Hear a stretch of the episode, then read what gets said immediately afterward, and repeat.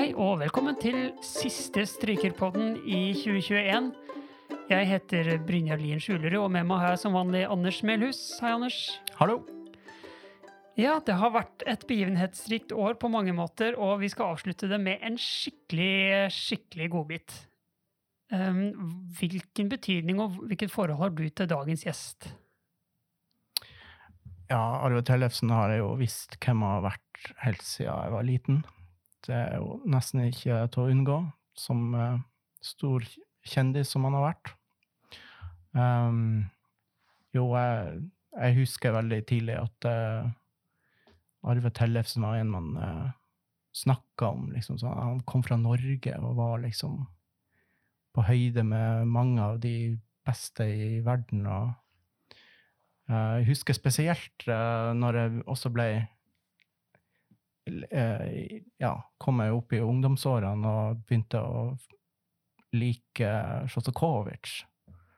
Så fikk jeg høre at han hadde spilt inn Sjostakovitsjs første fiolinkonsert, og jeg ble jo veldig nysgjerrig på å høre det, for jeg hadde ikke Jeg hadde ikke regna med at han spilte Sjostakovitsj, ut ifra hvordan jeg opplevde han på TV og, og sånn.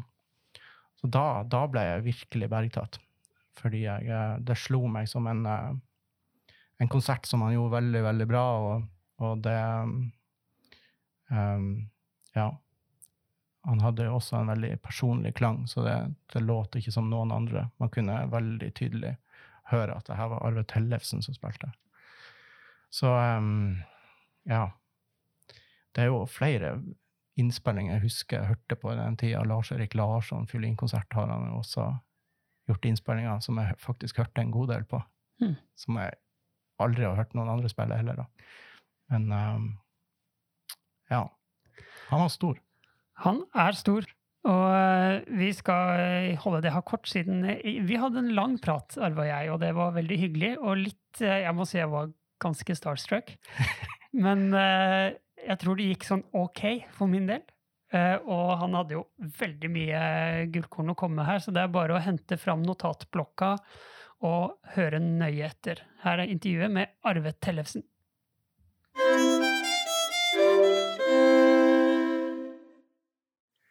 Ja, hjertelig velkommen til Strykerpodden, Arve Tellefsen. Tusen takk. Det var hyggelig å, var hyggelig å bli invitert til det her, da. Ja, det, det, er jeg glad du syns. Og det er jo en uh, kjempestor ære for oss at du stiller opp. Og jeg, jeg, er sikker på at vi kan få lære masse av deg i den neste timen. Ja, jeg er ikke så sikker på det, men vi, vi får se, da. Eller høre. Ja. Men eh, da vi skulle avtale det her, så var jo det litt vanskelig, for du var så fryktelig opptatt i oktober, sa du, at uh, du har aldri vært så opptatt før. Vil ikke du begynne å bare fortelle oss litt om hva du driver med for tiden? Ja, nei, det, det, Jeg vet ikke hvor jeg skal begynne. Det er jo masse forskjellig. Det, det som var litt spesielt i høst, da, var jo selvfølgelig at, at det var en god del ting som ble utsatt i fjor. Og det kom jo da i år. Oppå alt, alt det nye, nye, festivaler i år, som kom oppå de gamle festivaler. Og så ble det en del dobbeltbooking og sånt her, her da. Her. ja. Så ja. Men det tror jeg var likt for veldig mange, ikke bare musikere, men alle slags uh, Både kunstnere og, og andre folk. Ja. Fikk vel plutselig veldig travelt her i øst. Ja, det høres kjent ut, det, altså. Ja, det gjør nok det, ja. ja. Eh, men eh, jeg tok jo selvfølgelig og måtte, måtte jo sjekke litt uh, om deg før det her, og, og så da at du begynte å spille fiolin som seksåring. Står det det, ja? Ja, det, var vel jeg, ja, jeg tror det var syv eller ja, ja, rundt omkring der, ja. Seks-syv, ja. Mm. ja. Og etter mine beregninger så skulle det da være um, under krigen? Det stemmer også, ja. Jeg var født i desember i 1936, ja. Så ja. det var under krigen, ja. Så hvordan var det å, å, begynne å, å, skulle spille fiolin mens det var krig? Ja, nei, krigen hadde jo ikke noe særlig med det å gjøre, egentlig. For Trondheim var jo da ikke det aller verste, verste stedet under krigen. Det var riktignok noe bombeangrep og sånn. Stort sett om natta. Så vi var i, i sånn tilfluktskjeller eh, ganske ofte om natta, ja. ja. Så noe av, de første, noe av de lydene jeg husker veldig godt fra når jeg var guttunge, det var når vi satt nede i askekjelleren der, og så eh, ble det bomba da, like i nærheten. Og da var det sånn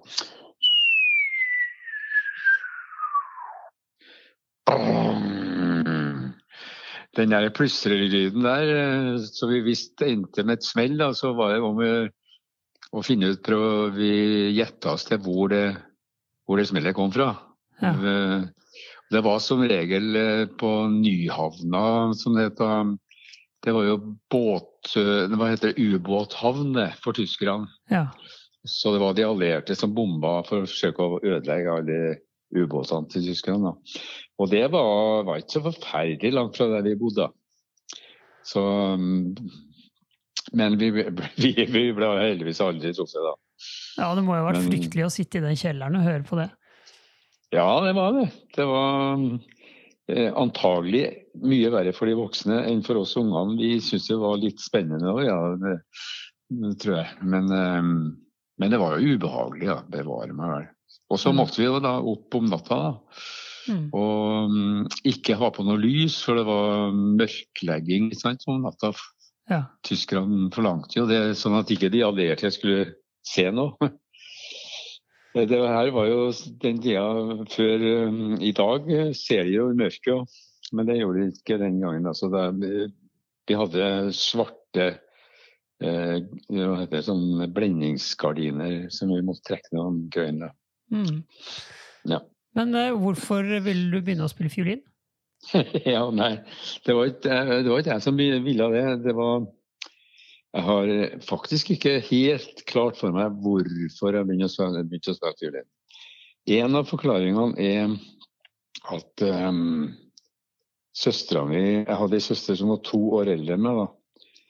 Um, og da hun var ni og jeg var sju, så døde hun. Ja. Og vi, vi, bodde jo på ett rom, vi da, mine foreldre. Og søstera mi og jeg vi bodde på ett rom. Det var både kjøkken og soverom og stue i ett. Og um, det var jo dårlig med sengeplass, da, så søstera mi og jeg vi lå i samme seng. Andføttes, vi si på trøndersk, føttene mot hverandre. Ja. Um, og da plutselig en dag så var hun borte. Og um, uh, bortsett fra at det var fryktelig trist, da, så det var et sjokk selvfølgelig for meg. da så, så var det Hun hadde ønska å spille piano. Fordi at hennes venninne som bodde rett over gata, spilte piano. Mm. Eh, men det fikk hun jo aldri oppleve. da. Og da er en av mulighetene for at jeg skulle begynne å spille fiolin, det var at mine foreldre fikk dårlig samvittighet for at de ikke oppfylte hennes, hennes ønske, store ønske. da. Og da var det liksom at jeg da skulle vel et eller annet, og da ble det fiolin, for piano hadde vi jo selvfølgelig ikke. Men eh, jeg tror mer kanskje på den andre forklaringa. eh, jeg drev og spilte munnspill. Og jeg gikk rundt i gårdene, det husker jeg godt sjøl, og spilte eh, på munnspill. Og folk kasta sånn toåringer, femøringer og sånt. Eh, etter meg. Jeg, jeg vet ikke om de kasta pengene for å bli, få meg til slutt, eller, eller, om det var en oppmuntring. Det er jeg litt i tvil om. Men, eh, men, men, i hvert fall spilte jeg munnspill. Og mm, da jeg en dag klarte å spille 'Ja, vi elsker' på munnspill, da trodde faren min at jeg var en ny Mozart. Og dermed så var det liksom at jeg skulle spille fiolin, da. Og mm, så prøvespilte jeg på mm, altså Musikkskolen i Trondheim den gangen var jo privat. Og den var rett over gata hvor der vi bodde, på Bakklandet. Og um, så prøvespilte jeg der, og så, ja, så fikk jeg noe gratis plass der, da. Så um, det var sånn det starta. Så det er nok mest sannsynlig det med at jeg var så flink til å spille munnspill. da. Ja, altså Prøvespilte du på munnspill og fikk plass på fiolin? Eh, nei, jeg prøvespilte De lot meg prøve en fiolin, da. Ja, sånn, ja. Eh, og så fikk jeg det til ganske bra, sånn etter i, i forhold Ja, sammenlignet med de andre, da, kanskje. Mm. Eh, men det hjalp det med munnspill. Jeg prøvespilte på munnspill så de skulle høre hvor musikalsk jeg var. og sånt da. ja. Og da, da dro jeg 'Ja, vi elsker' av den i. Det var bare skala opp og ned, det. Så Ja. det gikk jo greit. Så bra. Altså, det tror jeg jeg skal prøve neste gang jeg skal prøve å spille òg. Så kan jeg ikke ta det på gitar isteden. Ja, ja, det kan du gjøre. um, noe jeg forhåpentligvis slipper. Men eh, Ja. du må jo opplagt ha vært et eh, talent, for det, det tok ikke så lang tid før du begynte å, å ta timer eh, i Oslo også? Å jo, det tok noe tid det, ja. Ehm, Jeg dro vel til Oslo og tok noen timer hos konsertmesteren i Oslo-finalen, Ernst Glaser. Det var jo først ved 15-årsalderen eller noe sånt. det. Så de syv-åtte første årene var jo hos konsertmesteren i Trondheim Symfoniorkester, som het Arne Stoltenberg. Han var opprinnelig fra Narvik, da. Men ehm, men han var veldig god fiolinist og veldig snill lærer som oppmuntra meg hele tida. Ja. og det tror jeg er viktig at eh, barn, når de begynner å spille en ting, så må de ha oppmuntring, og de må synes at det er artig og sånt. Ja, Det ikke må noe pisk. Ikke noe alvor, mye alvor, syns jeg, da, men eh, det må være mye lek. Mm. Det må være morsomt. Og det og det- klarte han å formidle til deg. Ja, det gjorde det. Mm. Så jeg veldig, var veldig glad i Arne Stoltenberg. Ja. Eh, men, men så begynte du å pendle til Oslo. Eller flytta du til Oslo? Nei da, jeg flytta ikke til Oslo eh, før lenge senere. Altså, det som skjedde, var at, at jeg kom i kontakt med en som het Per Dreyer. Han var egentlig Han var eh, både Ja, han studerte på NTH, som det het den gangen. Altså det samme som NTNU i dag, da. Mm. Og han studerte kjemi, men så var han veldig Så spilte han obo i symfoniorkesteret i Trondheim ved siden av. Um, og- så begynte han å dirigere, og så ble han dirigent for studentorkesteret ved NTH, altså NTNU, da. Um, og der, um, i det studentorkesteret, det var jo studenter på sånn 20-25 år, ikke sant. Så mangla de fiolinister, da, som de ofte gjorde den gangen. Det er ikke noe mangel på fiolinister i dag, men det var jo den gangen. da. um, så jeg ble spurt, eh, og da var vel jeg bare 11-12 år, tror jeg, om å være med i det studentorkesteret sammen med, med studenter på høyskolen som studerte kjemi og fysikk og gudene vet hva det var. Um, og det var et veldig um, artig miljø for meg, da. Fordi at um, eh, de var veldig ivrige amatørmusikere, de studentene. Og, og så fikk jo jeg være med på altså Studentene i Trondheim har noe som heter Uka. Det er altså re revy som eh, Det er vel annethvert år, tror jeg. Og um, studentrevy, altså. Og Mm. da, da pleide jeg, fikk jeg lov til å være med i orkesteret. Så jeg var, var med mange sånne studentukerevyer. Da. Og da fikk jeg være opp sent om kvelden. ikke sant? Jeg fikk være med på Musikerloftet og på Studentersamfunnet. da. Så det var en stor opplevelse. Og det viktigste var da at de, mange av de der stud, eh, studentene som var amatørmusikere, samtidig med de studerte noe helt annet, de dro ned til en, noe som het eh, Nordiska ungdomsorkesteren i Lund i, i Skåne i Sverige. Ja. Det var altså før eh, ungdomssymfonikerne ble skapt her i Norge.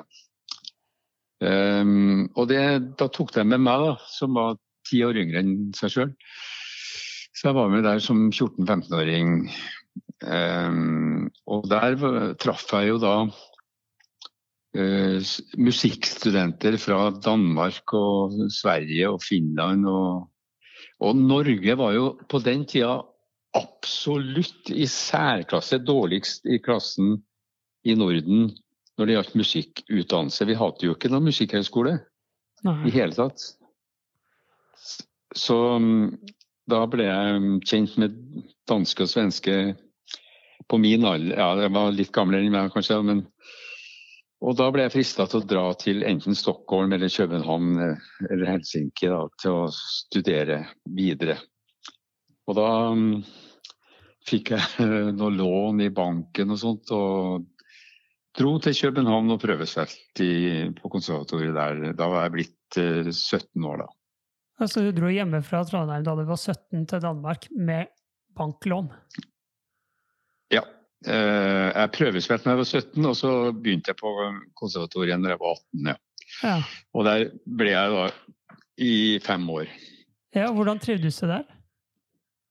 Ja, Til å begynne med trivdes jeg ikke noe særlig godt. For jeg hadde jo ikke noe penger, så jeg bodde på en privat hybel som var veldig eh, trist og ikke hadde penger til mat eller noen ting. Så det var nesten som Knut Hamsun drev og gikk rundt og sulta i Kristiania. I sin ungdom så gikk jeg rundt i København og sulta, rett og slett. Da. Så jeg var veldig slank og fin eh, den gangen, da. Um, ja.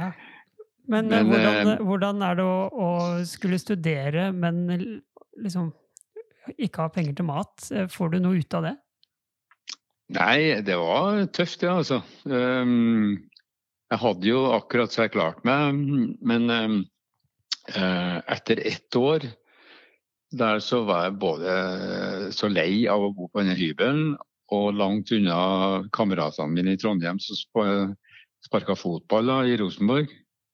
Uh, jeg, var, var jo, jeg spilte jo på smågutte- og gutte- og juniorlaget til Rosenborg. Jeg. Så kameratene mine var langt unna København. Og, eh, eh, og så hadde jeg ikke noe mer penger, rett og slett. Så jeg bare, tenkte at nå er jeg ferdig. Men så ble det arrangert noe som heter Ja, det fortsetter, holder jo på enda, Noe som heter Prinsesse Astrids musikkpris. Og det var arrangert i Trondheim. Ja. På, på min, i min hjemby, da. Så jeg slengte meg med den konkurransen der, for uh, jeg tenkte jeg kan jo være med. Men jeg var jo overhodet ikke noen favoritt der. Det var jo mange som spilte mye bedre enn meg. Der det var en som het Ørnulf Boje Hansen, en som het Trond Øyen og en som het Leif Jørgensen. Og det var mange gode um, Men til alles overraskelse, ikke minst min egen, så, så vant jeg den konkurransen da. Og da fikk var premien var 3000 kroner, tror jeg. Også, men det viktigste premien var da at jeg fikk lov å være solist med Bergen-filharmonien, ja, Harmoniens orkester het det den gangen, da. Og Oslo-filharmonien og Trondheim symfoniorkester. Være solist tre konserter, da. Og det var det, det var det fine med den premien og den konkurransen. Så, Men var det, var det, det som berga at du kunne fortsette å studere også? Ja. Da klarte jeg meg eh, ett år til, og, og så fikk jeg mm, noe hjelp fra en um, veldig viktig person i Trondheim som har hjulpet frem nesten alle trønderske musikere. Han er dessverre død nå, da, for en del år siden. Han het Olaf T. Ranum. Og det var byens musikkbutikk. Og han eh, hjalp meg med å samle inn penger og skaffe meg lån og alt mulig. Og han har også hjulpet frem eh, sånn som Elise Båtnes og, og alle trønderske musikere, faktisk. Ja. Så han var en eh, veldig viktig person i mitt musikalske liv.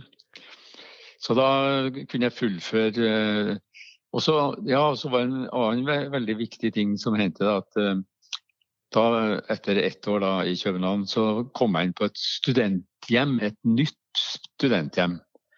Som het H. H uh, Petersens kollege, kollegium. Eh, og det var nye hybler i et nytt studenthjem. Og da trivdes jeg veldig godt. Og der kunne jeg øve så mye jeg ville. Og jeg hadde akkurat nok penger til å klare meg bra. Så, så fra da av så, så, gikk alt eh, bedre, ja. Mm. Men du må jo ha hatt en veldig eh, sånn lyst til å bli god og spille når du forsaket uh, livet med venner i Trondheim og fotballen og alt for å uh, leve på luft og, og spilling ja. i København? Ja, det kan du si, men nå må vi bare Du er så ung og du, husker kanskje ikke at uh, før i tida så var det ikke noe som het profesjonell fotballspillere. Fotballspillere hadde ikke betalt. Det var ikke noe yrke å være fotballspiller. Så det var ikke noe fremtid å drive og sparke fotball, selv om Rosenborg begynte å bli ganske god etter hvert. Men um, du vet, helt opp i, du må være helt opp i 60-70-tallet, 70-tallet, tenker jeg, før det var tillatt å, å ta imot betaling for å svare fotball. Mm. Så um, Jo, jo, men likevel så hadde du jo kamerater og venner og et eh, nettverk. Jo. Ja, det er helt riktig, det. Men jeg fikk jo etter hvert venner i København nå. Ja. Så, så jeg, um, jeg, trivdes bedre og bedre i København, altså. Jeg gjorde det. Så, så der gikk de der fire-fem fem år, da. Det, etter hvert så gikk det veldig bra, det. Jeg trivdes godt. Og så hadde jeg en, en spesielt eh, ja, vi får nesten si rar lærer, da, som het eh, Henry Holst. Han var dansk. Men han hadde bodd mange år i England og har vært konsertmester i i Manchester, altså Hallé-orkesteret i Manchester. Mm. Og også professor i Manchester eh, musikkonservatoriet der. Han kom da tilbake til Danmark, han var opprinnelig dansk.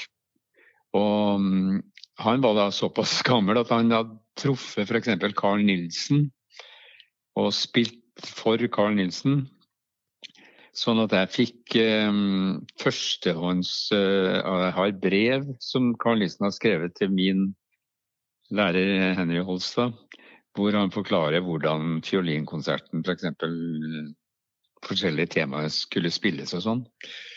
Og det er jo gull, gull verdt for en utøver å at en av de store komponistene um, har forklart hvordan han gjerne ville at musikken hans skulle spilles. Det er jo fantastisk. Ja, det er det faktisk. ja. Men hva, hva, lærte du av Holst? Hva, hva var hans eh, ja. filosofi? Ja, nei, han var, han var veldig Skal vi si eh, Forvirrende. Han, han, det han sa på én time, det gjaldt ikke for neste time. Så han sa liksom Hvis han ga en fingersetning eller noe strøk eller eh, noe dynamikk eller noe sånt til en time, og så kom du neste time og gjorde det, så sa han at men hva i all verden er det du driver med? Ja, så ble jo studentene veldig forvirra. For at, og mm, de fleste av dem syntes det var kjempevanskelig. Og det syns jeg jo til å begynne med, men så tenkte jeg søren, når han spør meg neste gang, så skal jeg bare si at det er sånn jeg gjerne syns at det skal være. Og da sa jeg en gang da at eh, når han spurte meg hvorfor gjør du sånn, da? Så, ja, det var de som sa det. Vi var jo diss da, den gangen. Ja. De som sa at jeg skulle gjøre det. Men um, jeg liker det faktisk å gjøre det sånn, det. Ja, ja, men da var det greit. Ja. Så på en måte så um, fikk jeg testa meg sjøl uh, og, og, lært meg å, å forsvare um, det, jeg gjør, det jeg gjorde. Mm. Og, og, stå for det. Ja, det var ditt eget valg og ikke hans? Ja, det var det han ga meg. For, for, for han sa jo forskjellig hver time. Mm. Og da plukka jeg noe som jeg syntes var bra der, og noe som var bra på en annen time. Og, og ja, det var et veldig eh, lite eh, system, da. Det var ikke noe systematisert i hele tatt. Og det, det tror jeg var ganske lærerikt for meg, å prøve å finne min egen eh, måte å gjøre det på. Ja, men det er kanskje litt kontrast til Galamian, som du studerte med senere. Han var vel ganske systematisk, eller? Nei, men, det, nei, det trodde jeg òg. Når jeg dro over der, så tenkte jeg han var jo lærer til Isak Pølmann og Zuckermann og hele den gullrekka borte i Amerika. Ja. Så jeg tenkte at han Og det var jo særlig en fjoling som het Michael Rabin, som var litt eldre enn Pølmann og Sukkermann og meg. Han var like gammel som meg. um, Ja, så tenkte jeg at uh, han, da, de må sikkert ha en sånn streng lærer som, som um, har et system som alle må følge. Men det var langt derifra, altså. Han var uh, Han lot elevene spille um, sånn som de ønska sjøl, men han korrigerte dem, og han underviste Jeg husker første gangen jeg Eh, tok, eh, fikk timer av ham, Det var på hans sommerkurs i noe som het Meadowmount. Det lå nord eh, i staten New York da, mm. om sommeren. Og der ble vi innkvartert. Studentene, det var jo 70 studenter der da. Og vi ble innkvartert i små hytter rundt omkring på eiendommen. Fire i hver hytte. Jeg kom sammen med én fra Brasil, og en eh, fra København og en fra eh, USA. Og vi fire vi, eh, vi, vi hadde hvert vårt rom i den lille hytta. sto vi og øvde, og vi fikk beskjed om å øve starte opp før frokost, en time før frokost. Så vi måtte begynne liksom klokka sju da, og øve en time før frokost. Og vi gjorde det, og så hørte vi nabohytta. Der var Sukkermann og Pølmann og denne gjengen der. Uh, de begynte klokka seks, de en time før oss. Ja, akkurat. Så tenkte vi søren, nei, vi skal jo holde følge med dem, så vi begynte klokka fem. Ja. og så begynte de klokka fire. Og da ga vi opp, da. Da tenkte jeg vi må jo sove litt òg. Men uh, de øvde jo som gale hele gjengen. Men det, det, jeg skulle frem til, da, det var jo at eh, f.eks. han eh, fra Brasil, som bodde i samme hytte som meg, han fikk jo motsatte beskjeder av Galamian. Så vi lurte jo på hva i all verden Han sa at han skulle løfte buen, f.eks. der hvor han sa at jeg skulle trykke mer på buen. Og sånne ting, Helt motsatte ting. Mm. Men det var tydelig at etter hvert skjønte vi jo ganske fort det. da at uh, Galamien Noen studenter behøver andre øvelser og andre ting å øve på enn en, en annen student. ikke sant?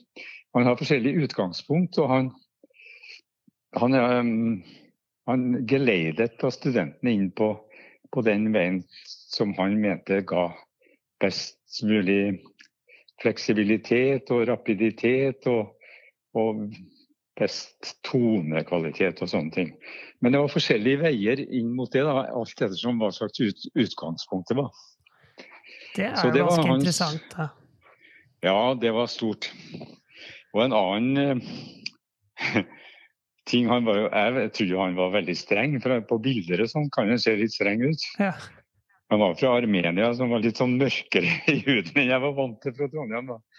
Um, men uh, han, eh, hvis jeg spilte dårlig til en time, og det hendte jo det at jeg ikke klarte å få det til ordentlig, um, så fikk jeg en tåre. Han begynte nesten å gråte. Han var litt lei seg.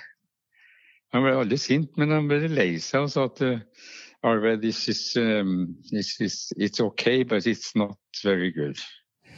um, og så Jeg ble jo lei meg òg, da. Søren. At jeg ødela humøret til Glamien, det likte jeg. Så, så, da øvde jeg jo som vanvittig til neste time.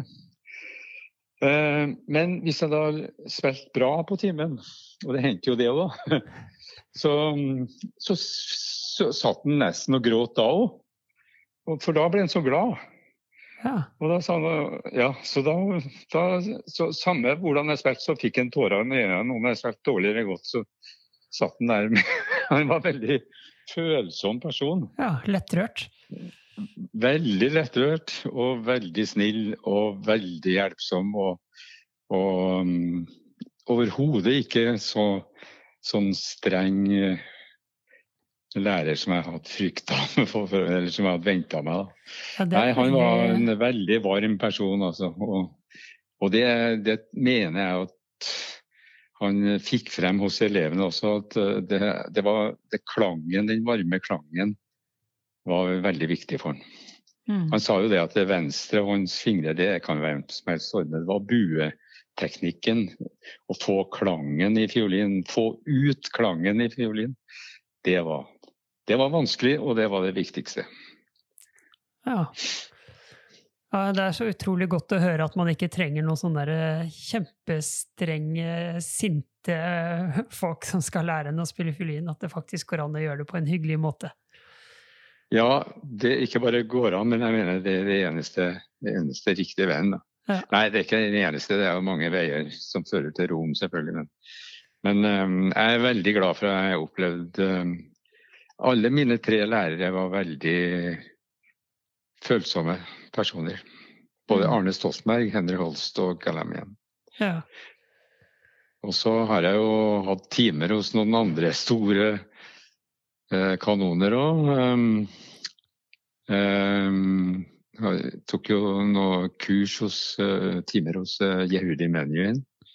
Ja. Og han var også meget følsom musiker. ja. Og så var jeg, tok, var tok jeg timer på et kurs i Italia hos eh, Josef Zigeti. Oi. En av de Ja, han var jo en helt annen generasjon igjen. Ja, han må ha vært gammel. Ja, han var gammel den gangen, ja. Det var han absolutt. Men eh, han eh, også var, var veldig følsom og snakka hele tiden om tonekvalitet, mye mer enn teknikk og sånt. Og, og så mm, spilte jeg en del eh, med Henrik Skjæring. Ja. Som Han var mer sånn maskin, vil jeg si. Mer sånn Han spilte jo aldri feil eller noe sånt. eh, han, han var et sånn perfeksjonist, da. ja. Så, men, eh, men alle de der eh, har jeg lært mye av. Og, mm. og i hele tatt har jeg lært Jeg lærer hele tida. Å herme, det er undervurdert. Man hermer etter det, det har man jo fra man kommer ut av mors liv, så begynner man å herme hele tida. Ikke sant? Så man hermer etter lyder man hører, språk, eh, dialekter. Det kommer jo inn fordi at man hermer etter andre. Og jeg har etter Først drev jeg og hermet etter Jasha Yasha Heifetz, da. Og da husker jeg det var mange som sa at du må ikke drive og herme sånn, for du må finne din egen stil. Ja, men jeg finner jo min egen stil etter hvert uansett. Jeg, jeg, jeg blir jo aldri like god som Heifetz, det er jo ikke noe fare med det. Men uh, at jeg prøver å herme etter Heifetz, det syns jeg er flott. Så hermer jeg etter Fritz Kreisler uh, lenge. Mm. Og så hermer jeg etter uh, Yehudi Menuhin, og så hermer jeg etter David Oistrakh. Og det er klart, når jeg hermer etter så mange, så til slutt så blir det sånn uh, en slags Arve Tellefsen, da. Ja. så jeg hermer etter litt her og hermer litt der, og så til slutt så finner jeg jo min egen stil, da. Min egen måte å gjøre det på. Ja. Ja. Det er ingen fare.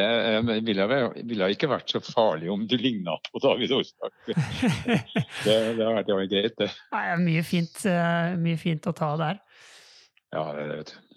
Eh, Men eh, da når du var ferdig å studere, så er det jo mange som syns det er vanskelig å komme fra denne studenttilværelsen og over å skulle være profesjonell musiker på heltid. Ja. Hvordan var det for deg? Der var jeg vel litt heldig, fordi at um, den der konkurransen som jeg fortalte om, 'Prinsesse Astrid', Ja. hvor premien var debut da med Oslo-filharmonien um, og Bergen-filharmonien og Trondheim. Eh, det ga meg jo et eh, veldig løft. eh, nå gikk den første konserten, det var i, av de tre, da, det var i Bergen. Den gikk ikke noe særlig godt. Og det har Ja, den kan jeg jo fortelle om, så kan du eventuelt klippe den bort. Men det var sånn at da skal jeg spille Vinjaski d-moll, var det? Konsert og Arvid Fladmo var dirigent, da. Og, og, der hadde jeg forberedt meg veldig godt, fordi jeg er trønder liksom, og skulle spille i Bergen. Det, det, det, er sånn litt konkurranse mellom de to byene der. Så jeg tenkte at nå skal jeg søren meg spille ordentlig godt når jeg kommer til Bergen. Jeg hadde aldri spilt i Bergen før. Og um, var veldig godt forberedt på den. Og så, akkurat når jeg skulle starte etter, etter forspillet i orkesteret i Vinjavskij-konserten, så skal jeg starte Det starter jo sånn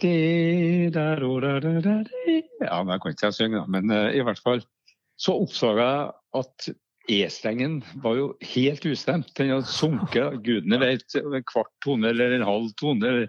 Eh, ja, mer enn en kvart tone, tror jeg. Så det ble jo skjærende falsk i åpninga der. Da. Og eh, så kikka jeg, husker jeg, prøvde å få en Arvid Flatmo til å stoppe for at jeg måtte stemme. Men han stoppa ikke, han bare fortsatte å slå. Så jeg måtte jo bare hive meg på. Og førstesatsen der var jo en lidelse. Det var jo helt umulig å få det til å stemme. Åh, for en grusom ja. opplevelse. Ja, det var første gangen jeg spilte med et stort orkester. Så det var ingen artig opplevelse. Men eh, så fikk jeg stemt før andresatsen, da. Sånn at eh, den andre og tredje gikk jo bra, da. Ja. Men uh, på vei ut, jeg var jo knust, på vei ut fra podiet, så dæljer Arvid Fladmo, dirigenten, da, meg i, i, ryggen. Og så sa han det, det der hadde du riktig godt av, sånn. Ok. Hva? Ja, så, så, vi kom bak scenen, da, og så syntes jeg var stygg når jeg sa det sånn. Ja, det syns jeg var tøft sagt, ja. Så jeg, at jeg har hatt godt av det. Ja, men det jeg mener sånn, Arvid Prado, det er at samme hvor godt forberedt du er, samme hvor god form du er sjøl, samme hvor fin fiolin du har, og fine strenger, og akustikken er god, og publikum er flott og Du vet jo aldri hva som skjer under konserten allikevel. Sånn. Du må være forberedt på at alt kan skje. Det var det jeg mente. sånn. Og det er jo helt riktig, det har jeg lært meg. At du vet aldri på forhånd hvordan en konsert Alt kan skje, heldigvis. Det kan skje dårlige ting, men det kan jo også skje gode ting. Da. Ja. Men det var litt av en um, ilddåp, for å si det sånn. Ja, det kan du si. Oi, oi. Ja. Men uh, de andre så, konsertene gikk bra? Ja, det gikk jo veldig bra i Oslo, da. Uh, der hadde jeg to debutkonserter på ei uke. Det var, først var det eh, Brahms fiolinkonsert med Oslo-filharmonien i Aurland. Det var Aula som var konsertsted den gangen. Um, og det gikk bra. Uh, og da fikk jeg så gode kritikker at, at jeg så bilder av meg sjøl i avisa og den nye Ole Bull og sånne rare ting. og da ble jeg jævlig nervøs for den andre konserten som jeg skulle ha med Robert Levin da, i Aurland uka etter. Um, så da da sov jeg dårlig på forhånd, ja. Men det gikk jo bra den òg, for så vidt. Ja. Så, så da, da, var jeg for så vidt i gang, da. Da ja. ble jeg engasjert litt uh, ja, over, overalt i Norge, da. Ja, Så da balla det på seg av seg sjøl? Hva sa du? Da, da gikk det av seg sjøl? Ja, det gjorde vel ikke akkurat da, men, eh, eh, men jeg ble i hvert fall engasjert. Eh, det, den gangen var det noe som het Musikkens venner. Det var altså før Rikskonsertene ble Det var sånne private klubber rundt omkring i hele Norge. Ja, jeg husker vi hadde det i Skien òg. Hva? Ja, jeg husker vi hadde Musikkens venner i Skien. Ja, ikke sant? Mm. I Skien. Ja, der spilte jeg mange ganger for Musikkens venner, ja. Ja. Det, det, var en, en, av de mest driftige stedene. Det var faktisk Skien, ja. De hadde jo en Kristoffer eh, Kleive, ja. dirigenten. Og, ja, det var veldig fint musikkliv i Skien, det er vel sikkert fortsatt. Eh, og da var jeg på den første turneen jeg gjorde da. Da um, spilte jeg med pianist. Det var dirigenten i Trondheim Symfoniorkester som var veldig god pianist, som het Finn Audun Oftedal. Og han og jeg, vi starta helt nord nordligste i Finnmark. Og hadde 28 konserter på 30 dager. Og, og var, her var jo før flyet ble oppfunnet, så det her var 19, eh, hva kunne det vært, 1960. Um, ehm, så det var ferge og buss og, og, og, jeg holdt på å si hest og vogn og sånt. Eh, og båt og, og jeg hadde gjennomsnitt reisetid, altså gjennomsnittlig reisetid var seks timer hver dag. Ja. Noen dager var vi nede i to-tre timer, men andre dager var vi oppe i åtte-ti timer, og så konsert på kvelden. Og det var elendige instrument Altså ikke fiolin, nei, jeg hadde jo min egen fiolin, men eh, klaverene rundt omkring var jo Du kan ikke sammenligne det i dag med Steinway og sånt. Og, uh, I Lofoten har de vel ti store Steinway stående nå, tror jeg. Det er vel største tettheten i verden, tror jeg. Ja, det har visst det. Men den gangen var det ikke noe Steinway som fantes. Det var nærmest sånn skrivemaskiner. Det låt jo forferdelig. Og, og vi spilte jo i eh, Det var jo på vinterstid det her, da. Så mm, det var oppvarma og uh, gymnastikksaler på skolen og sånt. Og, nei, det var, det var en tøff turné, altså. Så da fikk jeg da skjønte jeg liksom hva slags liv var det jeg hadde i vente. Men jeg likte det jo godt òg, når jeg kom meg etterpå. Ja, for det er jo ikke den eneste norgesturneen du har hatt? Nei, det er ikke det, men det er nok den uh, tøffeste, ja, faktisk. Ja. ja. ja for uh, eh, 28 konserter sånn på, på rekke og rad, med, med, så mye reisetid mellom det, det er det nesten ingen som driver med lenger. Nei, det høres tøft ut. Ja. Og på norske vinterveier på den tiden. Ja, nei, det var tøft. Men det er artig å tenke på etterpå. ja, Men du hadde jo også en periode hvor du var konsertmester i Wien? Ja, det hadde jeg. Først var jeg i Stockholm. Ja. Altså, jeg ville jo helst være solist, da. Så, så det var Jeg fikk en del tilbud fra Stockholm om å være konsertmester i Sveriges Radios symfoniorkester. For de hadde da, det var et veldig godt orkester der. Ehm, eh, og så hadde de en fantastisk ehm, En spes spesiell dirigent da, som het Sergio Celibidake. Ja. En veldig spesiell dirigent, ja. Og, og orkesteret var jo kjempegodt. Mye unge musikere. Jeg var jo ung den gangen jeg òg. Jeg var jo bare litt 30 år, litt over 30 år.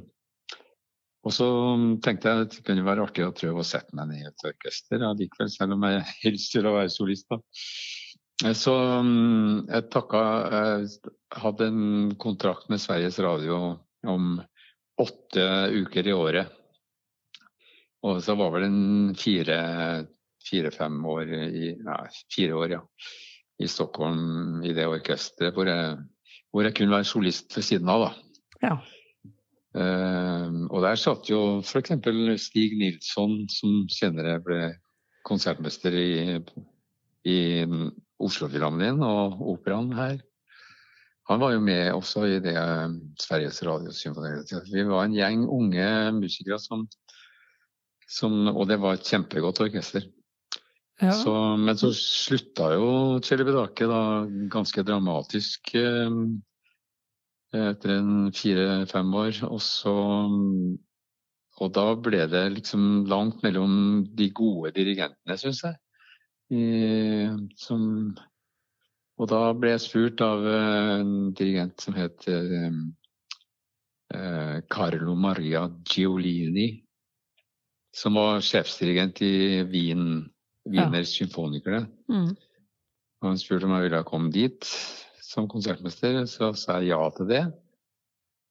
Og, men han, etter et år så dro han til Los Angeles, og da var det ikke så morsomt å være i, i Wien heller.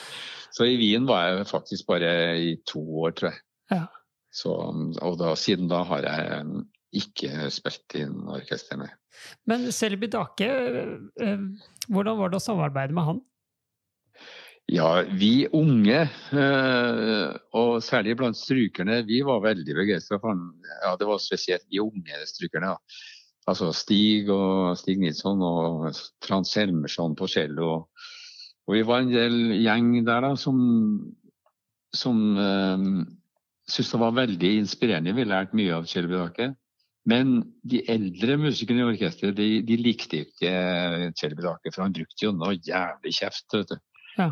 Han var jo virkelig en sånn uh, ja, nesten uh, diktator. Uh, det, han, var, han var etter musikerne som Hvis han merka at musikerne ikke gjorde 100% på hver eneste prøve, så, så ble han rasende.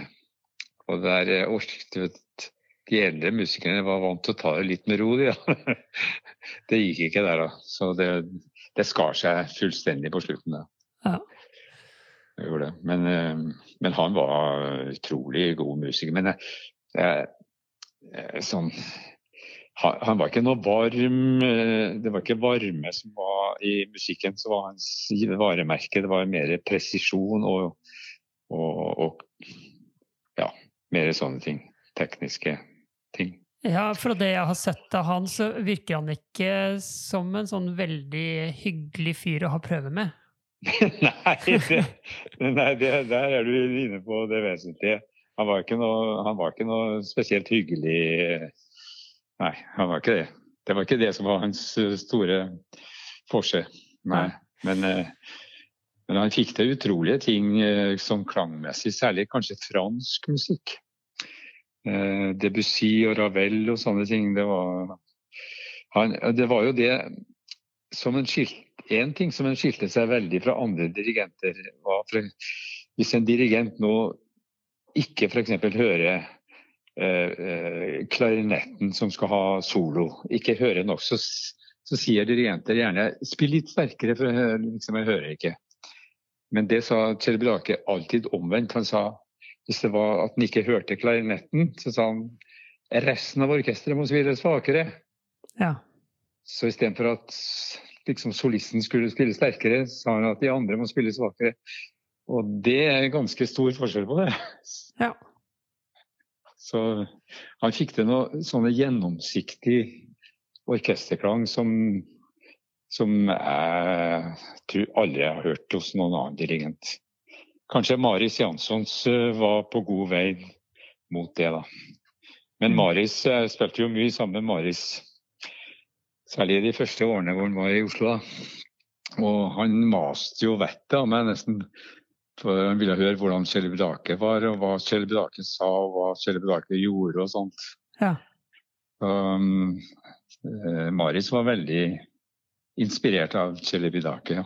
Det var han. Ja, det kan jeg tenke meg. Men du, jeg har litt lyst til å gå over på litt um, din egen øving, og hvordan du Hvilke verktøy du, bruker? Hva er de viktigste verktøyene du bruker i øvingene dine uh, sånn til vanlig? Um, skala er jo veldig grunnleggende for uh, intonasjon. For uh, ja, venstre hånd, i hvert fall. Ehm, så bruker jeg buøvelser, som var veldig viktig hos Kalem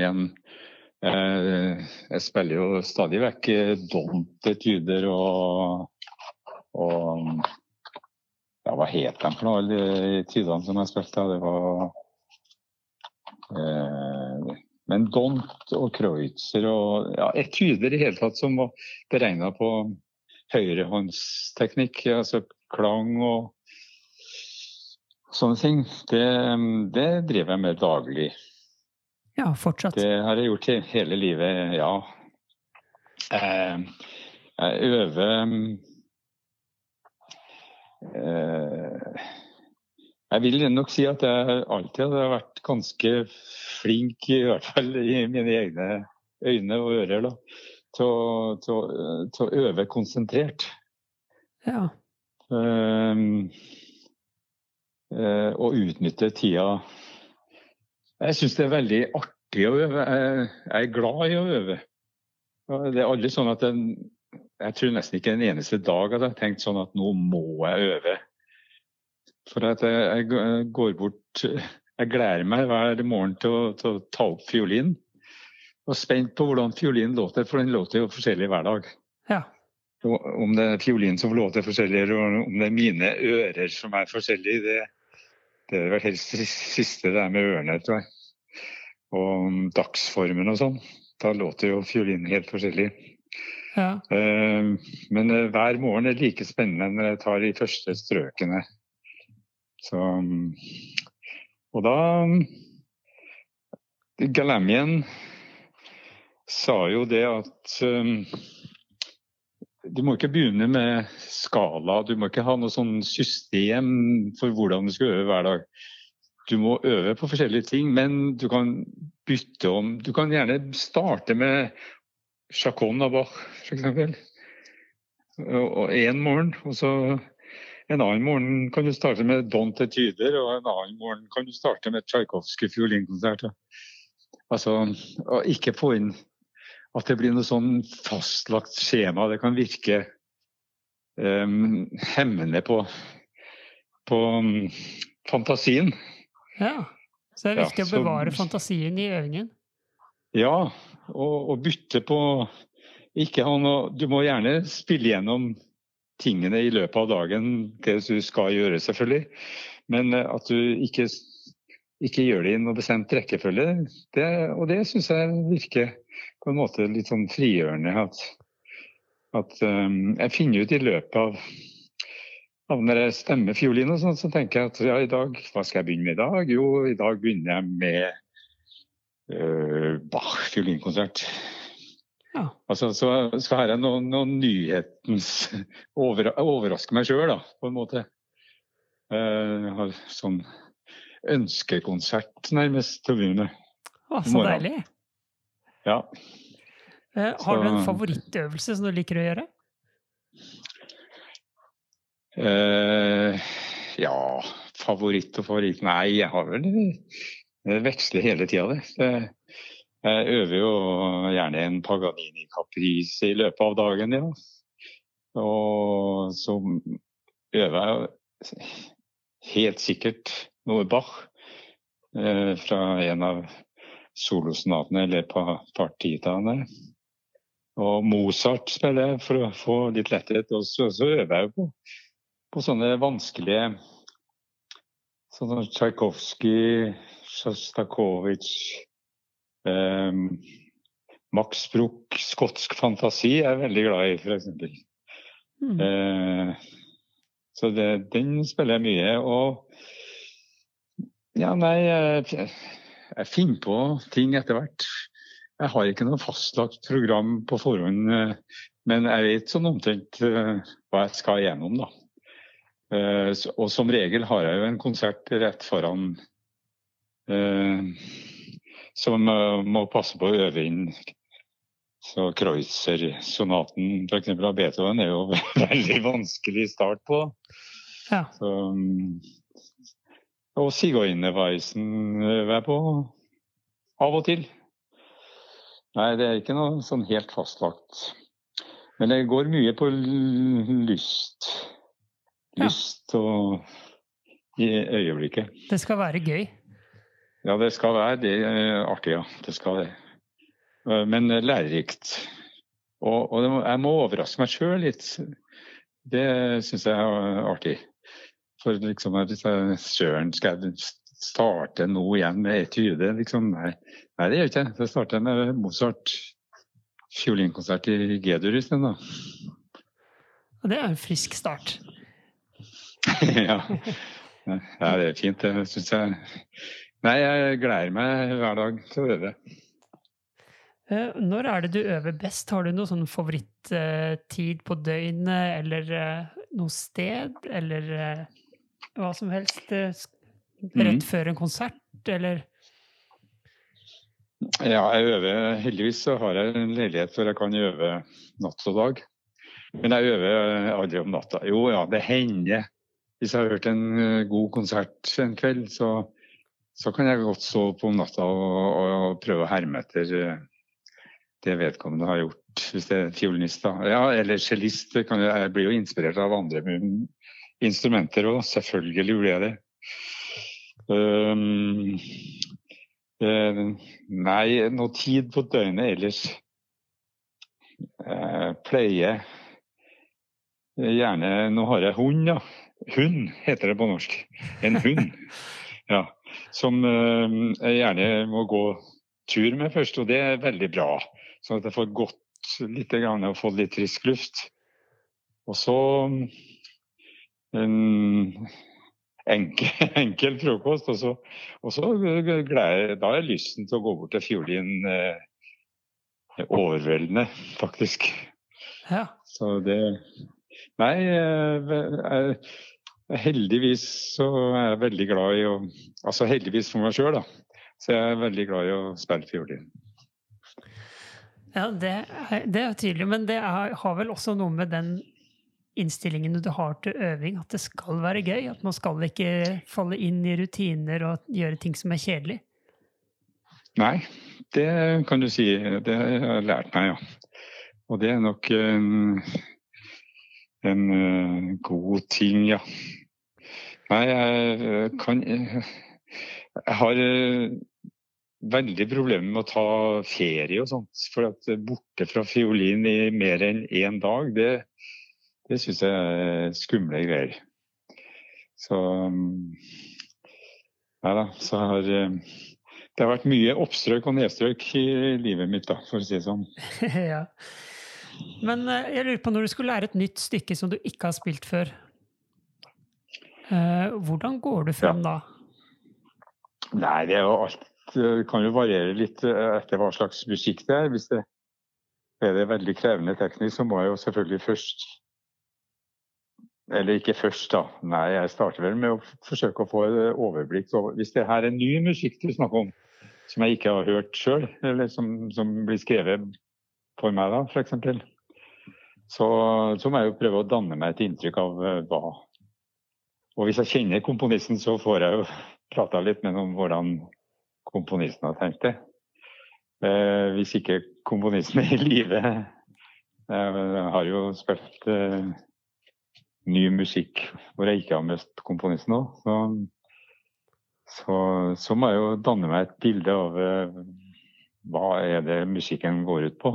Og, mm. hvor, um, det er jo alltid viktig å vite Det husker jeg at Shelly Bidake var uh, gjentok for oss unge musikerne, i hvert fall. Da. Uh, at må, man må vite Når man begynner på et musikkstykke, så skal du vite hvor du, hvor du, skal hen. Hvor slutten er. Og når du nærmer deg slutten, så må du vite hvor du kom fra. Ja. Det, det er ganske viktig det, da. Altså. Sånn at du ser helheten når du starter på et stykke. Altså, Begynner du med Chacon Bach med første akkorden, så må du vite hvor du skal hen til slutt. Ja. Så du begynner aldri å øve inn diktteknisk. Du ser her er det noen vanskelige greier og dobbeltgrep og strengovergang og sånn, før du veit hvordan det skal høres ut? Jo da, jeg begynner å øve på sånne tekniske ting. For det syns jeg også er spennende å, å, se om det er noe jeg kan uh, klare. Og, uh, som regel så er det jo ting som er mulig å spille. Det eneste var når Arne Norheim skrev jo Fyllingkonsert for meg en gang. Ja. Og, og, det var før uh, Før uh, Hva heter det Smarttelefon og sånt kom, da. Mm. Uh, på 80-tallet der. Da. Og, og da satt han i, i villaen til Ferdinand Finne nede ved Middelhavet. Syd-Frankrike, var det vel. Ja. Um, og skrev noteark som en putta i en konvolutt og klistra på et frimerke og sendt til meg i Norge. Og, så, og med sånn spørsmål da Hvor sterkt kan du få dette til? Hvor fort kan du spille dette? Eller kan du holde en lang tone som er lengre enn så og så mange sekunder og sånne ting? Sånne rare spørsmål, da. Eh, og så sendte jeg tilbake i konvolutt med besvarelse på det en spurte meg om. da. Og um, Arne påsto at jeg ved ett tilfelle hadde svart Han hadde spurt meg om Han satte opp en sånn tonerekke og så spurte hvilket tempo kan dette spilles i? Og da hadde jeg svart dette kan ikke spilles i noe som helst tempo. Hilsen Arve. Så det var, det var sånn, eh, mye sånt det foregikk. Og da Arne var, kunne jo ikke Han visste ikke så mye om hva som var mulig å gjøre på fiolin. Så mm, mye av det han foreslo, det var jo f.eks. Eh, under eh, Da måtte en eventuelt stemme ned G-strengen og sånt. Han skrev noen noter som var langt under G-strengen. Yes. Løs G-streng. Og sånne, sånne, rare ting. Da. Men det lærte han vel fort? Ja, han gjorde jo det, da. Han fleipa litt med det sjøl òg. At han ikke visste noe. Han, han, hadde jo erfaring før han skrev den fiolinkonserten, så det var jo litt fleip, da. Men, Men uh, du blei liksom medkomponist på den, da? Hva sa du nå? Du blei liksom medkomponist på den uh, fiolinkonserten? Ja, det ble jeg faktisk. Og kadansen Han hadde jo laget en kadans. Og der foreslår foreslo jeg såpass mye at til slutt så sa han jeg kan jo bare lag hva du vil, du, sa han. Og så spiller du sånn som de gjorde i gamle dager. Du lager kadansen sjøl. Ja. Så det gjorde jeg jo faktisk, da. Ja, den er veldig så, kul. Den har jeg hørt mange ganger. Ja. Jo, den, den er jeg som har laga, faktisk. Men eh, ja da. Så, men i hele tatt, i hele konserten, så Arne var veldig lydhør for Han var nysgjerrig på hva jeg kunne uh, foreslå. Hvordan ting kunne gjøres og sånn, for å få det til å låte Få det mer fiolinistisk, da. Ja. Men uh, jeg mener jo faktisk at mange komponister Nyere komponister da, har tilført fiolinteknikken nye ting. Fordi at, nettopp fordi at de ikke visste Kjente ikke til hvilke grenser vi opererer med. Så har de så har fiolinen fått Ja, nå er det dårlig til å forklare det, men det har kommet til ubevisst har de utvidet eh, klangrepertoaret til fiolinister, de som ikke visste så mye om fiolin, hvis du skjønner? Hvis du, ja, ja, jeg skjønner hva du mener. Ja. Sånn har det vel vært i veldig mange år. Det var vel var det Tsjajkovskij også som måtte, ble tvunget til å skrive om fiolinkonserten for den var uspillelig? Ja, ikke sant. Sånne ting. Og Stravinskij sikkert også. Sånn, sånn, det var uspillelig mange ting ikke sant? som likevel viste seg at det går jo an å spille allikevel. Ja, ja. ja.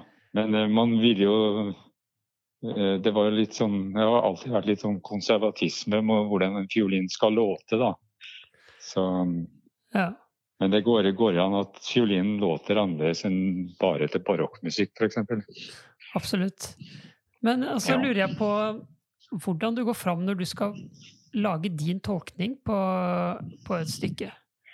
Hva er det som på en måte inspirerer Nei, gjør... deg? Nei, der det, kommer vel nærmest bare av seg sjøl, tror jeg. Etter hvert som jeg øver på den, så blir det så blir det sånn. Så jeg, jeg har aldri tenkt noe på at det her eh, Nå skal jeg lage min tolkning. Altså, når jeg øver på en ting, så blir det etter hvert sånn, og det blir det, blir det tempoet som etter hvert blir naturlig for meg styrke trasering og buer og, og sånne ting blir Når jeg øver på det, så blir det etter hvert en, en, måte som bare er naturlig for meg å gjøre det på. Ja. Så um, jeg går ikke noe spesielt inn for at det er, nå skal jeg gjøre ting annerledes enn andre og sånn, men så hvis det er ting som er fast repertoar, som mange har spilt før meg, som jeg har hørt andre spille, så, så har det jo en tendens til å bli litt likt det, da. Det er jeg redd for. Men, ehm, men eh, det blir jo ens eget uansett hvordan du gjør. Selv om jeg hermer etter noen av og til, så, så blir det jo Det blir ikke alltid like, like bra som originalen. er kanskje bedre?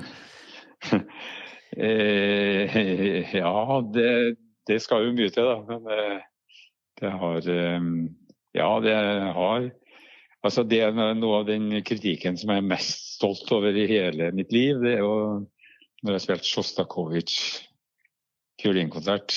Um, uh, så det var jo David Oistrak som Den var jo skrevet for David Oistrak og fremført av David Oistrak. Og den, den innspillinga er jo helt fantastisk, har jeg alltid ment. Og og der var det en eh, engelsk avis som skrev at eh, til tider så overgikk Tellefsen selv originale innspillingen fra David Oistrak. Det, det, er jo selvfølgelig ikke sant, men eh, den, allikevel så ble jeg jo jævlig glad for å lese den setninga der. Da. Den leste jeg høyt for meg sjøl. ja, ja, faktisk jeg har jo spilt uh, Sjostakovitsj filmkonsert med deg, og den, uh, den, gjør du jo kanonbra. Det skal du ha.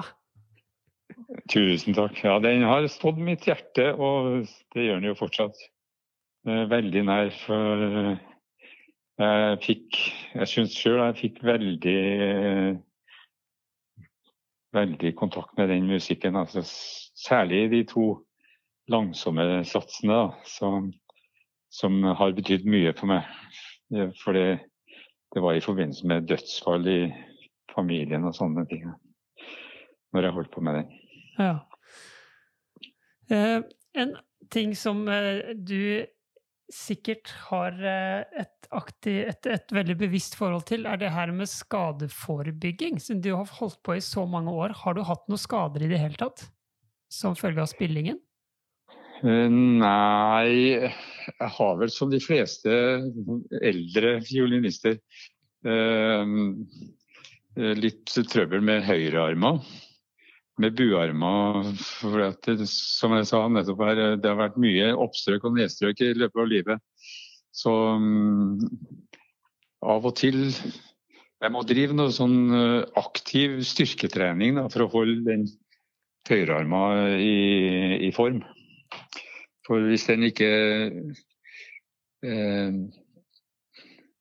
Hvis jeg ikke opprettholder styrken, eh, rett og slett, muskelbruken, i, så, så, blir jeg litt sliten i høyrearmen av det. Og det kan eh, gi seg litt utslag i at jeg ikke skjelver med buen, men jeg blir litt, litt lam, rett og slett, i høyre arm. Og det kan skje på ubehagelig eh, tidspunkt, som f.eks. Eh, midt under en konsert. Ja. Eh, og det er ikke noe det, det, det er ubehagelig, da. For da, får, da, mister jeg kontrollen på klangen. Ja, det, det er ikke sånn at du mister buen? Nei, ikke, nei, jeg blir ikke lam i fingrene. Det er nei. mer faktisk i overarma ja, overarma. Men har du gjort noe aktivt for å holde deg skadefri opp igjennom? Nei, ikke annet enn at jeg har eh, Jeg fant ut for mange, mange, mange år siden eh, at det å gå på ski, f.eks. langrenn, det er veldig fin trening ja. for armene og ryggen og sånt. Eh, så Nei, nå Ja, så driver jeg jo så trener litt styrke. Med, uh, har med meg sånne strikk i kofferten, da, som jeg har revet ned flere sånne baderomdusjer og sånt uh, med å rive ned med strikken. Da. Ja, Så du, du fester strikken i, og så drar du? Ja. Og så følger veggen med? Og så ramla Ja, jeg gjorde det et par ganger. Men eh, nå har jeg lært meg å sette i dørhåndtaker og sånn, så for døra er litt vanskeligere å få med seg. Ja. Så, ja. Nei, jeg har med Så jeg trener eh, armstyrken. Det, ja. Og så har jeg drevet mye med idrett, da. Ja. det starta jeg med fotball. Altså, siden har jeg gått en del på ski og løpt halvmaraton og fått, fått Jeg har vært veldig glad det Nesten like glad i å drive idrett som jeg har vært glad i å spille fiolin. Så um, jeg er veldig glad i å røre på kroppen. Ja. Og det tror jeg har hjulpet meg eh, når det gjelder for å unngå skader og overbelastninger og sånne ting. At eh, jeg er ja, i bra form, i hvert fall til å, i forhold til alderen. Da. Ja, det skal du ha. Jeg, jeg, husker jo sist du var her i Tromsø, så hadde du nettopp gått Birken. Og det er ikke så mange år siden. Nei da, jeg har gått Birken fire-fem ganger. Ja. Jeg har gjort det. Det var ikke like vellykket hver gang, men jeg har gjennomført den noen ganger, ja. Jeg har det. Og så gikk jeg Marcia Longa eh, for eh, ja, det er vel snart to år siden, da, det var like før eh, pandemien brøt ut. Men da gikk jeg på veggen, gitt. Så det har liksom ikke nesten kommet meg over ennå. Så lang tid etterpå. Det var, det var tøft, ja. Ja, du gikk på en smell? Ja, jeg gikk på en smell. Jeg var litt forkjøla på forhånd. Så, men uh, det burde jeg selvfølgelig ha Men jeg hadde bestemt meg. Det var en kamerat av meg som skulle ha vært med på det rennet, som døde. Og da tenkte jeg nå skal jeg fullføre det rennet til ære for han Ola, som han het, som døde. Eh, så jeg kunne, ikke, jeg kunne ikke gi meg der, altså. Så jeg måtte bare gjennomføre. Så jeg holdt på i ni timer i, og, og, gikk de sju milene. da. Og det var ni, ni, timers eh, tortur. Var det det året det var så fryktelig kaldt? Eh, nei, det, nei. Var, Var, ikke noe spesielt kaldt. Nei, nei var det i fjor det, kanskje? I hvert fall, var... Jeg syns det var veldig varmt. Ja. Men du, jeg har også lyst til å høre litt om, eh, om instrumentene du spiller på. Ja. Eh, for du har jo en Guarneri, ikke sant? Det har jeg. Ja. ja. Kan du fortelle litt om når kjøpte du den? Den kjøpte jeg i 1970 i London. Og det var altså en Del Jesu, da. Ja. Så, så, det er fra 1742. Uh, så det er jo en fantastisk fiolin. Uh, og det var Der var jeg heldig. Det er mange tilfeldigheter i mitt liv, og det her er jo en av de lykkelige tilfeldighetene. Altså på forhånd, Det første instrumentet jeg spilte på, for å ta det sånn i grov rekkefølge, det var en fiolin som bestefaren min i Trondheim, han var smed, hadde funnet på en skrapdunge. Og så hadde han, han som amatør, han var jo ikke noen fiolinmaker, men han snekra sammen en fiolin. Så den, den jeg begynte på, da. Og og så fikk jeg etter hvert en, en fiolin av en, en industrimann som het Julle Holm i Trondheim. Han hadde en Kappa, altså det er eldre enn Guarneri-fiolinene, fra 1600 og sånt. Og den var veldig liten, men jeg spilte på den også noen år. Og så, når jeg var studerte i København, så fikk jeg kjøpt lånt meg penger, da. Og kjøpt en Guagdanini som jeg spilte på noen år. Og når jeg studerte i Amerika, så fikk jeg lån mer penger. Og kjøpte en Guarneri eh, Filius Andrea. Ja. Altså pappaen til Del Jesu, da. Mm. Og den var jo fin. Og så skulle jeg gå opp et, et trinn til, da. Eh, så dro jeg til London for å se på en fire-fem fioliner som, som, Hill. Det var jo den liksom, fiolinbutikken i London den gangen. da. Hill and Sons. Og der um, fikk jeg prøve en fire-fem fioliner uh, til en priskasse som var som, Altså, jeg bytta inn min egen Tidus Andrea-fiolin. Og så skulle jeg plusse på 100 000, sånn at det til sammen ble ca. 300 000 eh, kroner, da. Og det var mye penger. Det her var i 1970. Um, og når jeg kom til Hild, så prøvde jeg jo de fiolinene, men så sa Hild at tilfeldigvis så har vi nå fått inn en Guarneri del Jesu.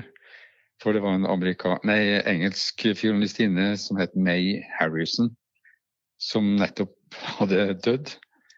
Og da ble den fiolinen til salgs. Og de hadde ikke lagt den ut til salgs ennå, men de ville at jeg skulle prøve den. da. Og så prøvde jeg den, og den var jo kjempegod, selvfølgelig. Men, eh, men den lå jo i pris da 200 000 over det jeg hadde av penger.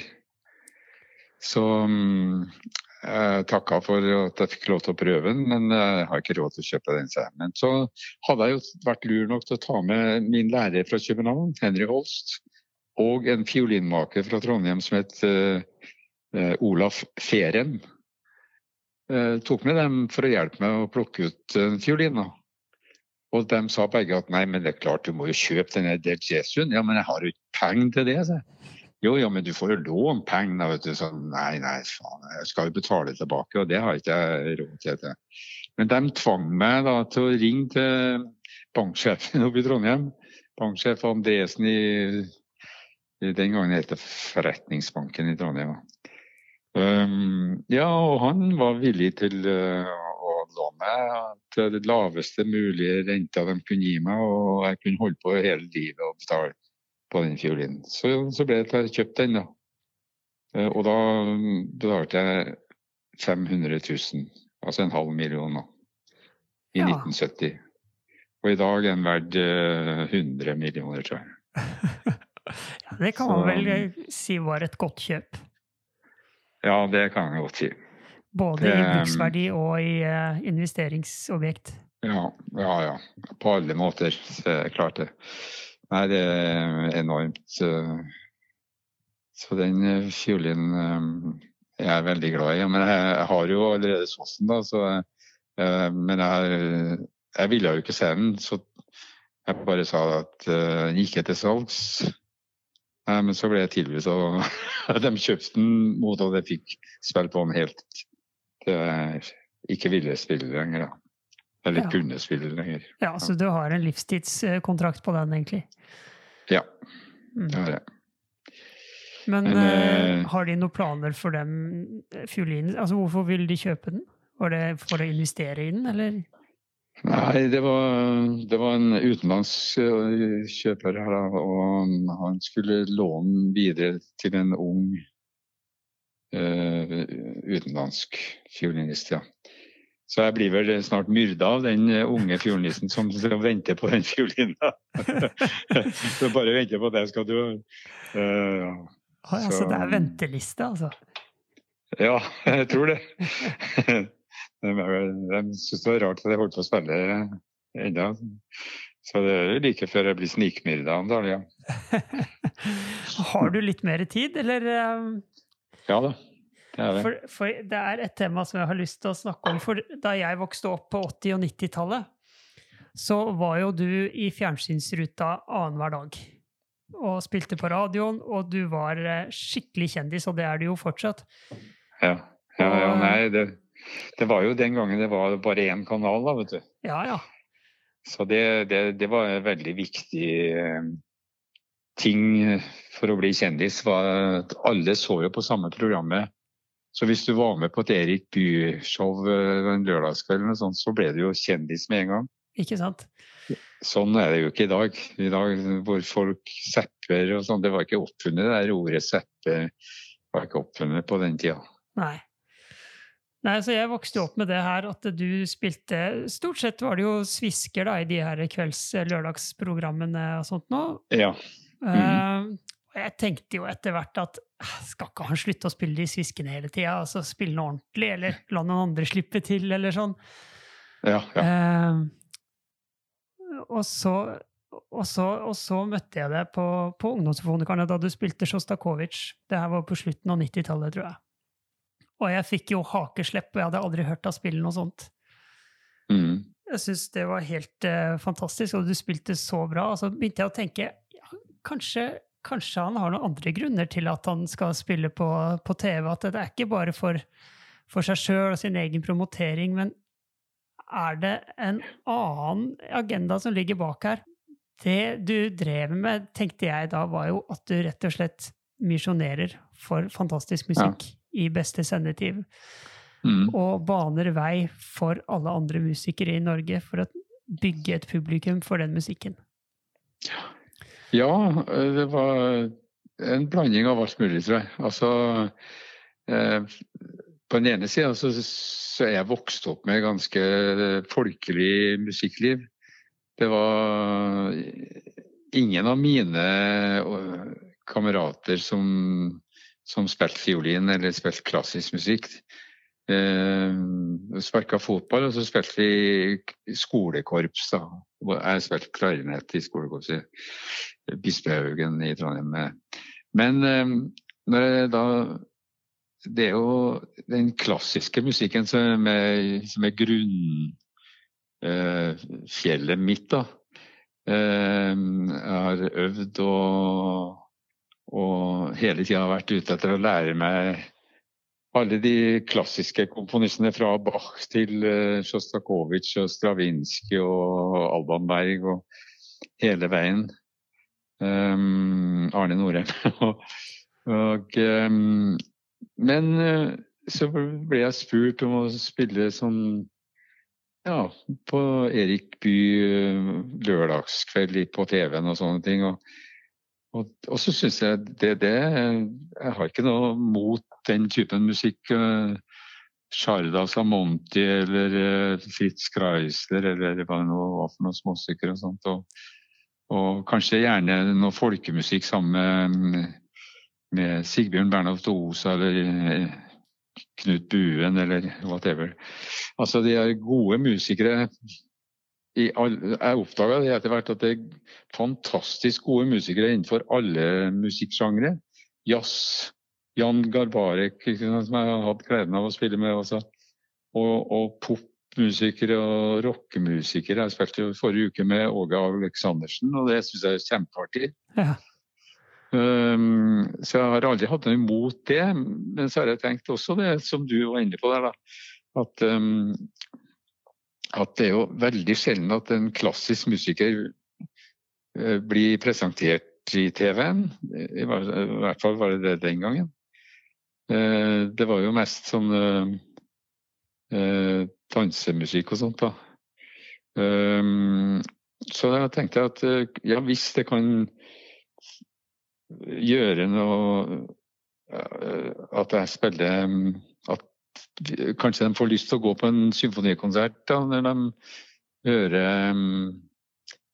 at, det musikk, at klassisk musikk ikke er så farlig. Og det var vel også tanken bak når jeg ble spurt om å gjøre en um, plate med sviske med, med, Faktisk med fine fiolinstykker, da. Men Istedenfor med klaver så, så brukte vi synthesizer. Og Kjetil Bjerkestrand. Ja. Og blant annet spilte vi Ave Maria av Schobert og Altså fin, fin musikk, men bytta ut klaveret med synthesizer, da. Og dæven, da fikk jeg mye kjeft, altså. Eh, for at jeg ødela det klassiske mm, utgangspunktet mitt, og, og hele tatt at jeg ødela hele musikklivet. Ved å, ødelegge Schubert og bruke synthesizer på Schubert, det var jo Og jeg husker særlig mm, en av de skarpeste kritikerne var jo Eva Knardal, pianisten. Hun sa jo at Arve Tellesen har dratt klassisk musikk nede i søla. Um, et år etterpå så spilte hun da sammen med Vazelina Bilopphøggers. Så um, det gikk seg til etter hvert, det der. Ja. Eh, men uh, til å begynne med så var det helt uhørt, det der med synthesizer innenfor klassisk musikk. Nei, fysj og fysj og fysj. Men um, Men jeg tror du ikke både Schubert og andre på hans samtid ville ha utnyttet de mulighetene som var, hvis de hadde funnet en, funnet en uh, synthesizer da? Ja, jeg tror faktisk det. altså. Det ville være veldig rart hvis ikke sånne geni som Mozart og Bach og Beethoven ikke har benytta seg av eh, andre instrument hvis de hadde til rådighet. Men det der er jo bare gjetting, selvfølgelig. Det vet jeg. Men uh, jeg har ikke fått snakka med ham ennå. Men uh, det, det, jeg holder for Det var så kreative folk, det der. ikke sant? Så det, det ser ikke bort ifra at de gjerne har brukt de virkemidlene som fantes. Ja, jeg er helt enig. Men hvorfor syns du at det var så viktig å promotere den klassiske musikken? Jo, det syns jeg fordi at jeg har hatt um, sjøl uh, en reise fra, fra um, at mitt, jeg vokste opp i et miljø som ikke var var ikke noe som het klasse. Det var ingen i det strøket som jeg bodde som gikk på symfonikonserter i, i Trondheim. Vet, jeg vokste opp på Møllenberg og Rosenborg. Og der var det ikke mange symfonikonsertgjengere. Altså det, da må du opp til Singsaker, til litt finere strøk. da, ikke sant? Så mm. var, var faktisk min egen arbeiderklasse var fraværende, tror jeg. Mer eller mindre fra eh, klassisk musikk. Og da tenkte jeg at søren, jeg har hatt en fantastisk reise inn i klassisk musikk. Kanskje jeg kan få med noen flere fra arbeiderklassen. Det, er ikke noe stygt sagt om Jeg mener ikke å si noe stygt om arbeiderklassen, men, men de har for, de, har vært de har ikke følt seg fine nok. Jeg husker faren min. Han, han var jo sjåfør hos en baker. Da. Og han ville ikke gå på klassiske konserter i Frimurlosjen i Trondheim, fordi han hadde ikke noe ordentlig fin dress som han kunne ha på seg. Han eh, rett og slett skamma seg litt over å vise seg sammen med de fine folkene fra Singsaker. Ehm, det høres rart ut i dag, for i dag er det ikke noe særlig forskjell på, på arbeiderklassen. og jo, Litt forskjell er det selvfølgelig, men, men ehm, den gangen var det virkelig klasseskille, ikke sant. Mm. Altså arbeiderklassen gikk ikke på symfonikonserter. Det, det, høres litt rart ut når jeg sier det sjøl òg, men, men, sånn var det. Altså. Og så det var litt sånn Jeg må jo si at det er litt uh, misjonsvirksomhet var litt bak i, i bakhodet mitt der. At kan jeg få noen flere fra, fra, min, den klassen jeg kommer fra, til å like klassisk, til å oppdage hvor fantastisk musikk det er innenfor klassisk musikk, så det gjør jeg gjerne det. Ja, og det, det skal vi alle takke deg for. Eh, alle musikere i Norge, for du, jeg tror du har økt publikummet vårt alene med mange prosent. ja vel. Hvis jeg har gjort det, så er det veldig hyggelig. Ja. Eh, ja, jeg tror du har vært en av de viktigste bidragsyterne til å virkelig gjøre klassisk musikk kjent i Norge. Mm. Ja. Så det, det, skal vi ha. Eh, tusen, tusen takk. Men nå fyller du snart 85 år. Det gjør jeg. Det er, ingen, det er, veldig lite å gjøre med det, ja. ja det, er, det er bedre enn jeg si. Men, ja, kanskje. Eh, har du noen planer om å trappe ned, eller er det fullt kjør videre? Nei, fullt kjør er det ikke, men um, nei, jeg tar det jo roligere. Nå har jeg slutta med julekonserter, for det er så mye julekonserter at uh, nesten i meste laget. Så så jeg tar det litt med ro nå i desember. Ehm, men så har jeg planer om å gjøre noe turné over nyttår, ja. Ehm, det har jeg. Og forskjellige slags planer da. Jeg har jo kunne jeg godt ha tenkt meg en kirkekonsertturné med, med, min venn Kåre Nordstoga. Domorganisten i Oslo, f.eks. Ja. Det er mye fin musikk der. vet du. Og mm, det blir jo vesentlig barokkmusikk og sånt, da. Og så kunne jeg tenkt meg å gjøre en turné med f.eks. Trondheimssolistene. Og, og eh, med pianister. Det er så mange gode pianister, og det er bare å velge eller håpe at noen vil spille med meg. Så det, det er mye musikk som jeg ennå kan tenke meg å gjøre, ja, som jeg ikke har fått gjort. Så jeg har planer, men uh, om det blir til noe, det får jo tiden vise, som det heter. Ja, Nei, men da um, har jeg lyst til å ønske deg lykke til med de planene. og Jeg er sikker på at det blir noe av de aller fleste av dem. Og gratulerer med det kommende 85-årsjubileet. Ja, takk. Det er ikke, det er ikke noe særlig å feire det, men, uh, men takk skal du ha likevel. Og takk, takk for en hyggelig prat. Ja, tusen takk for at du stilte opp i Strykerpodden.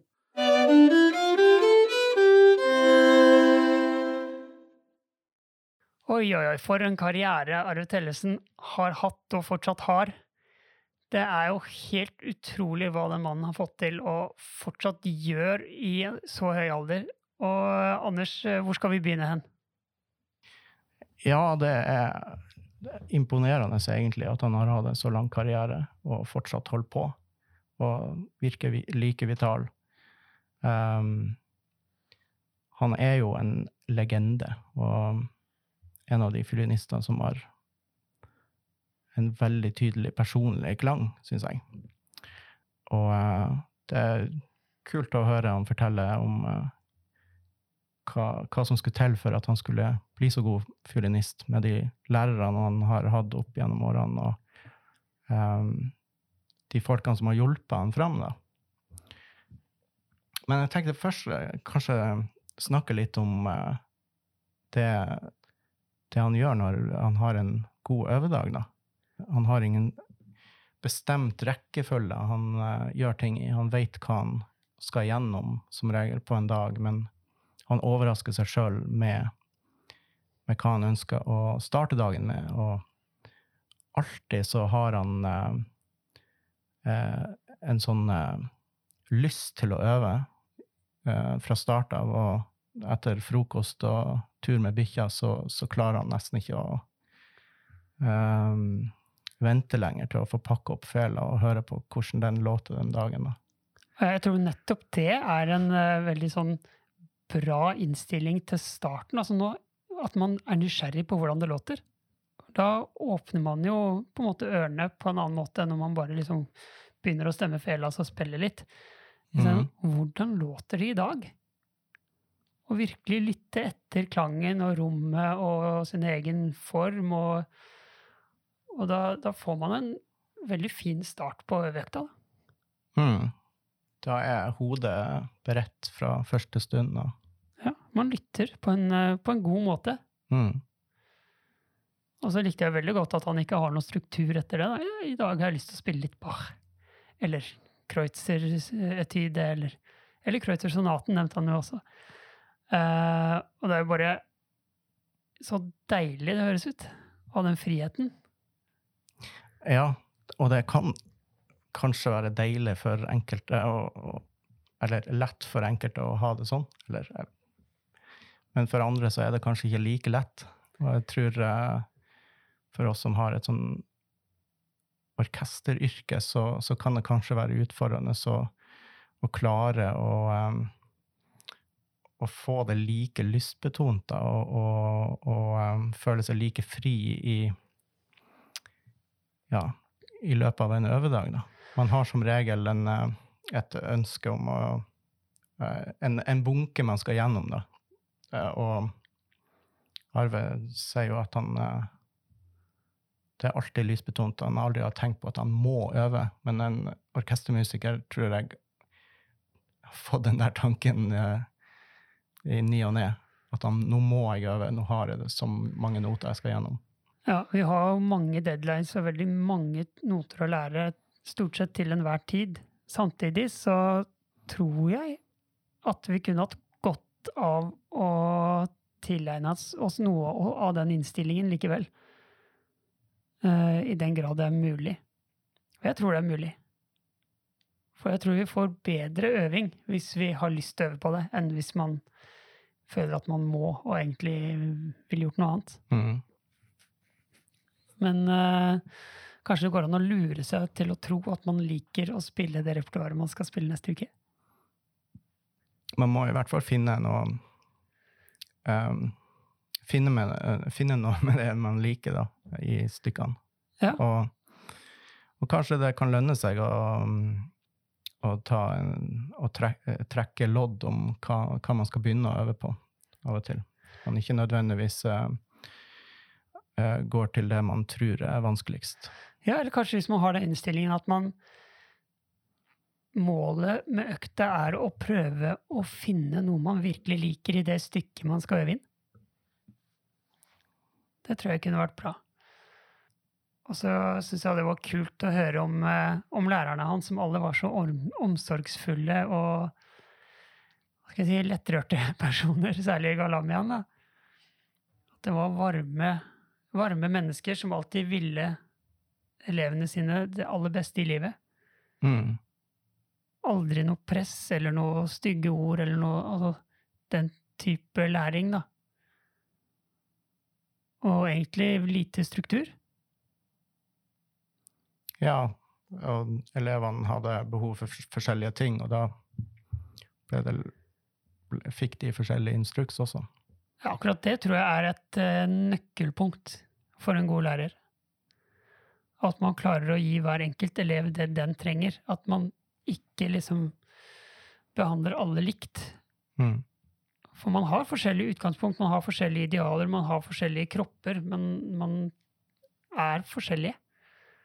Og da trenger man også forskjellig input fra lærerne. Og det, det tror jeg er et uh, virkelig, virkelig sentralt punkt i all undervisning. Men så likte jeg også det han sa han, uh, om Holst, læreren hans i København. At han uh, ga jo forskjellige fingersetninger og sånn hver uke, og til slutt så bare bestemte Arve seg for at nei, jeg gjør sånn, for det er det jeg liker. Og ble tvunget til å på en måte ta egne valg og stå for dem. Mm. Ganske tidlig, da. Det tror jeg ikke er så dumt heller, for du får et helt annet forhold til det da hvis du gjør det fordi jeg liker det, og ikke fordi læreren sa det sist time. Mm. Det er jo også det der med å herme etter andre fiolinister, og, som man også nevner er undervurdert. Um, og at man kanskje ikke trenger å være så bekymra for at uh, man skal låte som den og den personen. Man, man, finner jo sin stil til slutt, og det faller naturlig etter hvert hva, hvordan man ønsker å uttrykke seg på det. Ja, han, han, sier jo det at herming er undervurdert, og at han, han, hermer som bare det. Og det er ikke noe å skamme seg over. Det er kanskje fint å minne seg på at, at uh, det naturlige det som, det som, faller naturlig ut, er er ikke så dumt. Ja, i hvert fall ikke alltid. Nei. Man skal i hvert fall ikke eh, være redd for at man ikke er unik nok, eller uh, altså Syns nå jeg, da, at uh, det kan i hvert fall være ganske tung byrde å ha med seg. Ja.